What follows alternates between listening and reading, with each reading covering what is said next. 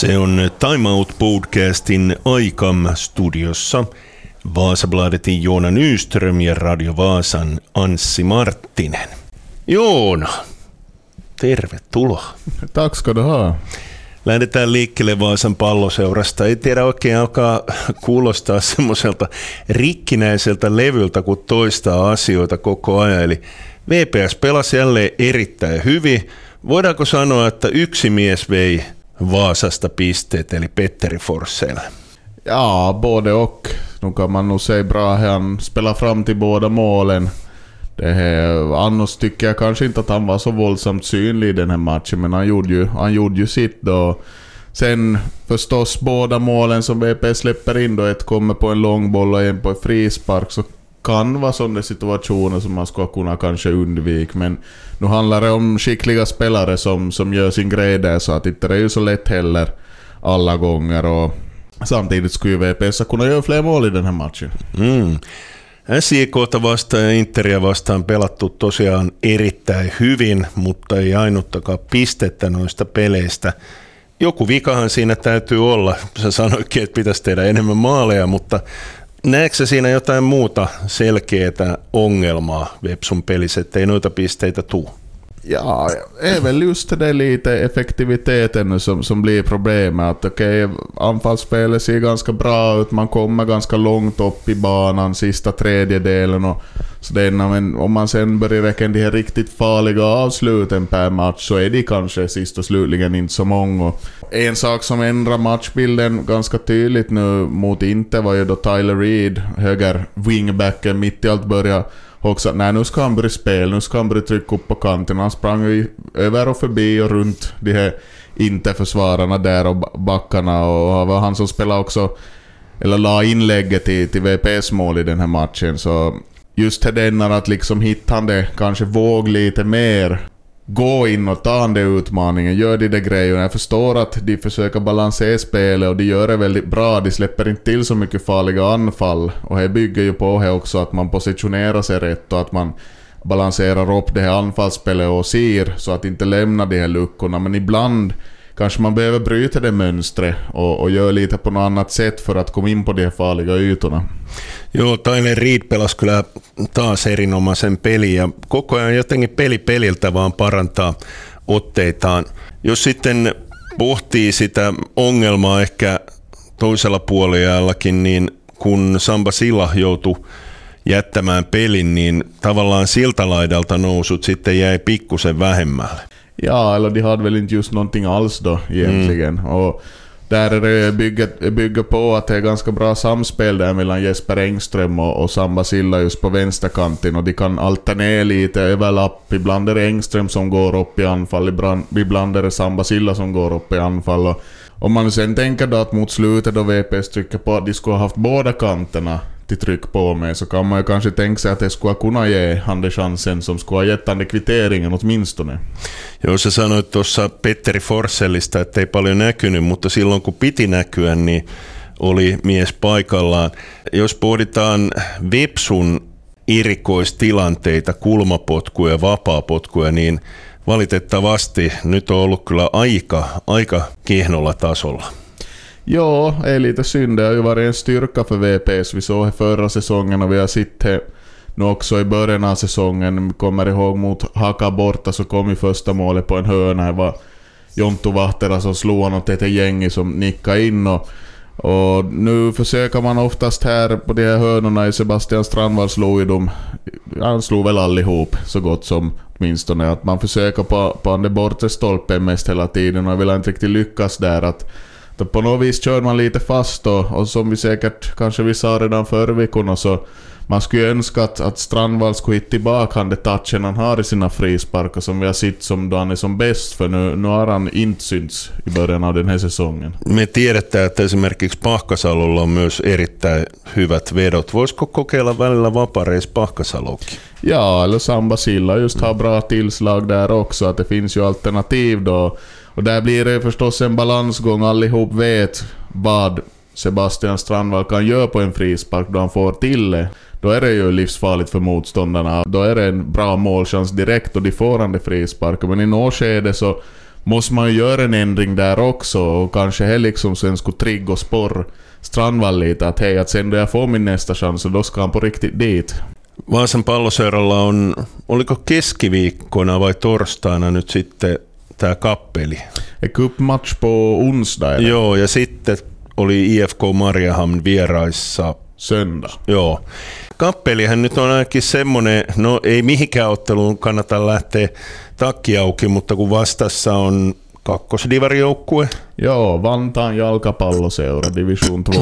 niin, niin tässä pelissä nyt varmasti toivotaan, että saataisiin sitten niitä maaleja tehtyä ja saataisiin sitä itseluottamusta takaisin.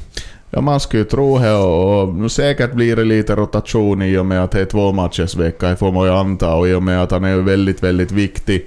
Han är IFK Mariehamn-matchen borta. För vi ska väl förmoda att Mariehamn kommer till spel om samma platser nu i fortsättningen av säsongen och att det blir där lite på undre halvan som, som VPS får kämpa. För är det tåget börjar gå nu, men fortfarande finns en liten chans till ta poäng där. Men ja, cupmatchen, vi får ju se också hur det här VJS kommer in. Att kommer det in med parkera bussen-mentalitet och liksom försöker snålspelande matchen och få, få, få med sig en skräll på det viset, så då blir det utmanande oberoende. För vi har ju sett att VPS har kanske inte haft det så lätt med att bryta upp de här lågstående försvaren.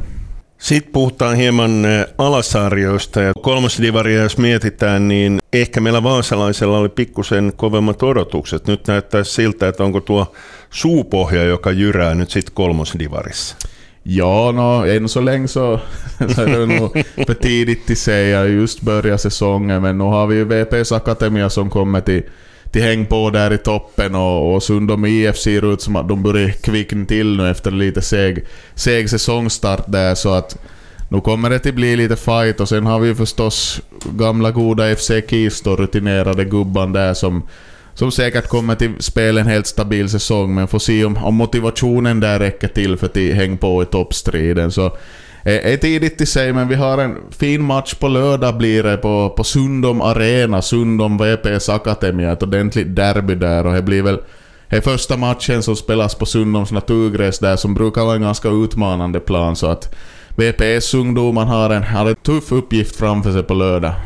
Pakko kysyä, kun mä katsoin Kiiston kokoonpanoa. Itse asiassa muuten saitte kehuja, kun olin tuossa reissussa, niin siinä kuski sanoi, että Vaasabladetista on mukava lukea aina näitä futisjuttuja, koska niitä ei tahdo löytyä tuosta paikallista kilpailijasta alasarjoista ollenkaan. Mutta mä katsoin sitä Kiiston joukkuetta. Missä on Pekka Liukkonen? Onko Liukkonen lopettanut uransa jo?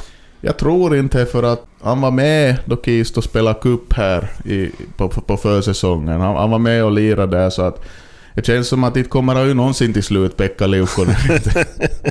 och, det känns som att det är ju inte Kisto något mer om inte, om inte Liukkonen är med där, men att han kanske kanske inte liksom kör lika hårt något mer och, och inte matchas i precis varenda match. Joo. Entäs sitten naisten puolella IFKlle katkera tappio? Ja, tung, tung match faktiskt. Att de spelar jätte, jättebra i, i första halvlek hemma mot PKK Udo som är en av toppkonkurrenterna i, i, i division 1 där. Och, och jag var helt säker på där i halvtid att om de fortsätter på det viset så kommer de till vinnande matchen. De ledde ju...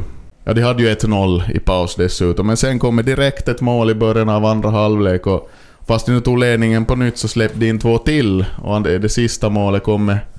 87 kommer. och det var liksom lite försvarsspelet där som som inte riktigt funkar lika bra nog mer i andra halvlek. Att de släppte till lite för lätta lägen framför målet och, och, och det var väl det som var grämde hela laget sen också. Att det skulle ha varit viktigt till, till plock, de där poängen just nu. För nu ser det plötsligt ut som att PKK Udo som vann över serieledaren TPS i omgången före, de två sticker iväg lite i toppen. Sitten lyhyesti valioliikasta meni aika jännäksi loppujen lopuksi, vaikka oltiin ihan varma, että no homma, homma on niinku selvä jo ennen viimeistä kierrosta. Säg det ja. Vad var de ledde väl med 2-0 till och med Aston Villa innan Manchester City kom igång där. Och då funderar man nog att jaha, ska de avsluta säsongen på det här viset? Eh, nej, men är ju ett väldigt bra lag de har sådana spelare som kan, kan göra lite vad de vill ibland. Och, Och det var ju ganska dämpad stämning på Anfield och slutsignalen gick där och de vann sin match med stora siffror. Men framförallt så, så var ju Tottenham Hotspur och, och vann 5-0 borta mot Norwich och säkra Champions League-spel nästa säsong efter en liten paus. Och det allra finaste där är ju att de säkrar här just framför näsan på, på Arsenal och det kunde man ju sitta och njuta av lite igår kväll. Kuuntelet Time Out podcastia ja Anssi Marttinen Radio Vaasasta ja Joona Nyström Vaasabladetista on keskustelemassa ajankohtaista urheiluuutisista. Jääkiekon maailmanmestaruuskisathan tietysti puhuttaa. Nyt tiistaina on sitten se ratkaiseva peli. Onko jo laskenut, että ketä meillä tulee mahdollisesti vastaan sitten noissa puolivälierissä? Och som det ser ut just nu, jag, jag satt faktiskt och kollade på det här i morse, så vinner Finland gruppen nu, och det gör de om de vinner över Tjeckien tisdag kväll, så blir det antagligen Danmark eller Slovakien i en kvartsfinal på torsdag. Uh, sen om, om de tappar gruppsegern till Sverige, så då kan det bli, då blir det genast lite svårare, då kan det bli Kanada eller Tyskland till exempel. Att det skulle nog lönstigt ta de där poängen och Danmark i en kvartsfinal på hemmais så känns det som att det ska nog det ska man nog klara av oberoende av vad som händer. Fast strömmen skulle gå i hallin och isen skulle smält skulle de väl börja klara av att vinna Danmark.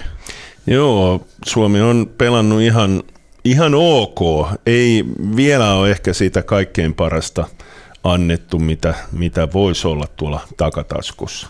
Ja, så är det de här två senaste matcherna, Storbritannien och, och Österrike. Så no, Österrike satt emot ganska bra, men nu är det ju lite hönse nu att det är svårt att dra några slutsatser på basen av det. Att han, det tajta matchen mot Sverige sa ju kanske mer om det här och, och då hade inte Finland ännu med Miro Heiskanen och Salindell där så att nu har vi ju med Miro Heiskanen som är en sån där back som kan på egen hand ändra en matchbild. En back som Finland inte hade till exempel 2019 då det blev guld i Bratislava. Det ska bli intressant att se liksom om det påverkar dynamiken i det här Jukka Jalonen-lagbygget. Att det finns en sån där spelare som man egentligen ska använda så mycket som det bara går mest hela tiden. Och om man vill göra det då, eller om man fortsätter satsa på det till rull, jämn matchning och så det vidare.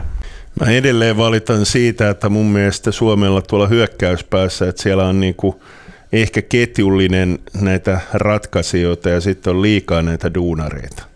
Ja, samtidigt om vi ännu en gång återgår till Bratislava, Kosic's 2019 så såg laget precis ut som då också. Och nu gick det ju vägen ja. Mm. Så, ja, nej men nu skulle man ju kanske ha velat haft innan som det lite mer X-faktor-spelaren och visserligen vi fick ju Mikael Granlund, han är ju definitivt en sån spelare men, men i, i Slovakien då hade vi Capo Kakko till exempel som förvisso inte gjorde riktigt någonting med sen i utslagsmatcherna men nu, nu ser det ut så här och nu istället för att ha den fickstjärnan i anfallet så har vi ju en av världens bästa backar istället så vi får väl vara nöjd med det då. Joo, me pohdin edelleen tätä Nurmen tapausta. Aika moni mulle on sanonut sitä, että että Nurmen ongelma ehkä on siinä, että hänellä ei sitten välttämättä ole sitä alaspäin tarpeeksi nöyryyttä, eli, eli todella taitava pelaaja ja mielellään mä olisin kyllä nähnyt. Uskon, että olisi voinut tehdä läpimurron vielä niin kuin kansainvälisestikin. Mycket möjligt. Han är ju en sån där ganska häftig spelartyp. Stor och stark men ändå kvick anfallare, skicklig anfallare. Och Men inte heller så konstigt att han blev petad ur truppen med tanke på att han har så lite mästerskapsrutin. Att, att då man sen blir tvungen till välja ett sånt läge så, och en Mikael Granlund plötsligt dyker upp så är det ganska lätt val sen då att vem man petar bort därifrån. Toivottavasti mä oon jälleen väärässä, mutta esimerkiksi Marko Anttilan otteet ei kyllä mua vakuuta oikein yhtään. Ja, du är inte ensam om till, till se men att vi får se nu då om man gör likadant som man gjorde ja, ännu en gång tillbaka till 2019 när mitt i allt började göra sin mål i utslagsmatcherna. Men samtidigt så han är en väldigt, väldigt storväxt spelare och han blir ju något yngre heller så man kan bra tänka sig att de här energinivåerna som behövs i en tät hockeymatch kanske inte riktigt längre börjar alltid finns där för honom. Och, och då syns det ganska snabbt i, i rinken om man inte riktigt hänger med. Entäs NHL? Siellä alkaa esimerkiksi Floridalla olla aika tiukat paikat. Joo, jag satt och såg igår. De, de sprattlar nog på vad de kunde men Tampa är för bra. Man, man kan ju tycka då att kanske lite synd med tanke på hockey-VM då att de trillar redan tidigare för då skulle vi kanske ha fått Alexander Barkov till, till VM-lag och då skulle du ha fått din anfallare dit. Joo, mä pohdin itse asiassa sitä, kun joskus oli MM-kisoissa semmonenkin tilanne, että sä pystyit vielä vaihtamaan niin kuin pudotuspelivaiheessa pelaajia, mutta nyt ei ilmeisesti voi enää. är väl gruppspelet som gäller skulle jag tro att det är nu för tiden. Så att, ja, och sen vad hade vi de andra då? Entäs sitten jos loukkaantuu pelaajia, niin voiko heitä korvata? No, du, du har väl någon hemmareserv brukar man ju ha. Mm. Men ni tror jag att du kan göra så att du tar en NHL-spelare mitt i allt och lägger in som hemmareserv. det passar sig inte, att det ska väl bestämmas på förhand här. Joo, oi perhana, ei saada sitten varmaan Barkovia enää, enää mukaan. Hei, naisten Ruotsin sarjassa aiotaan ruveta taklaamaan. Mitäs sä oot siitä mieltä? Ja, jag tycker det är helt rätt. Tacklingar är en, en del av ishockeyn och, och om, för att lugna ner folk nu så talar vi ju inte om de här tacklingarna i ryggen upp mot sargen eller sån här vidare armbågar i, i, i huvudet utan tacklingar som i kampsituationer. Det hör nog till hockeyn och, och man har märkt att det har varit lite av ett problem då man kommer upp på hög nivå i, i damernas ishockey just att vissa spelare börjar vara, de börjar vara så snabba, de börjar vara så starka och sen då vissa spelare då inte alls är anpassade till det här så kan det bli väldigt svåra ojämna situationer på isen men om man då istället säger att nej men nu, nu får vi lägga in tacklingar så då måste ju allihop anpassa till det här, vara redo för det och då blir det en annorlunda grej där. Men ja, Tässä on puhuttu myös tasa-arvokysymyksenä. Nythän hiihdossakin tulee yhtä pitkiä matkoja muistaakseni. Eikö se näin mennyt, että nyt sitten miesten ja naisten matkat tulee olemaan yhtä pitkiä? Jos jatketaan tällä linjalla, niin pitäisikö aidat nostaa naisilla samalle korkeudella kuin miehillä? Pitäisikö moukarin painaa yhtä paljon kuin miehillä? Pitäisikö keihään olla yhtä painava kuin miehillä? Mennäänkö jatkossa tähän? No, framförallt så, så tycker jag ju att det är ju utövarna själva som ska få bestämma. Att de får väl på något vis komma fram till hur de, hur de ska lösa det. Men nu har ju varit väldigt tydligt till exempel i längdskidåkningen att, att de här damåkarna vill ha samma sträckor. Att de, de har ifrågasatt det ganska länge att varför ska jag vara på det viset då. Men då får du väl fråga Norrlotta, Nesiri och det här att vill ni ha högre häckar? Tycker ni att det skulle vara en bra grej? Och så får du ju ta därifrån. Att inte det är ju du och jag som ska sitta och bestämma. Mä ajattelin, että me oltaisiin saatu päättää nämä asiat. Hei, onko jotain vielä puhuttavaa? Ollaan aika pitkään jo tässä lätisty. Nej, nu tycker jag vi hade ganska bra där. Mm. Sä lähdet juhliin Tottenhamin hienoa menestystä. Ja kanske man skulle måste fara på, en, på en kaffe och en munk till Bränden. Joona Nyström, kiitoksia. Tack, tack.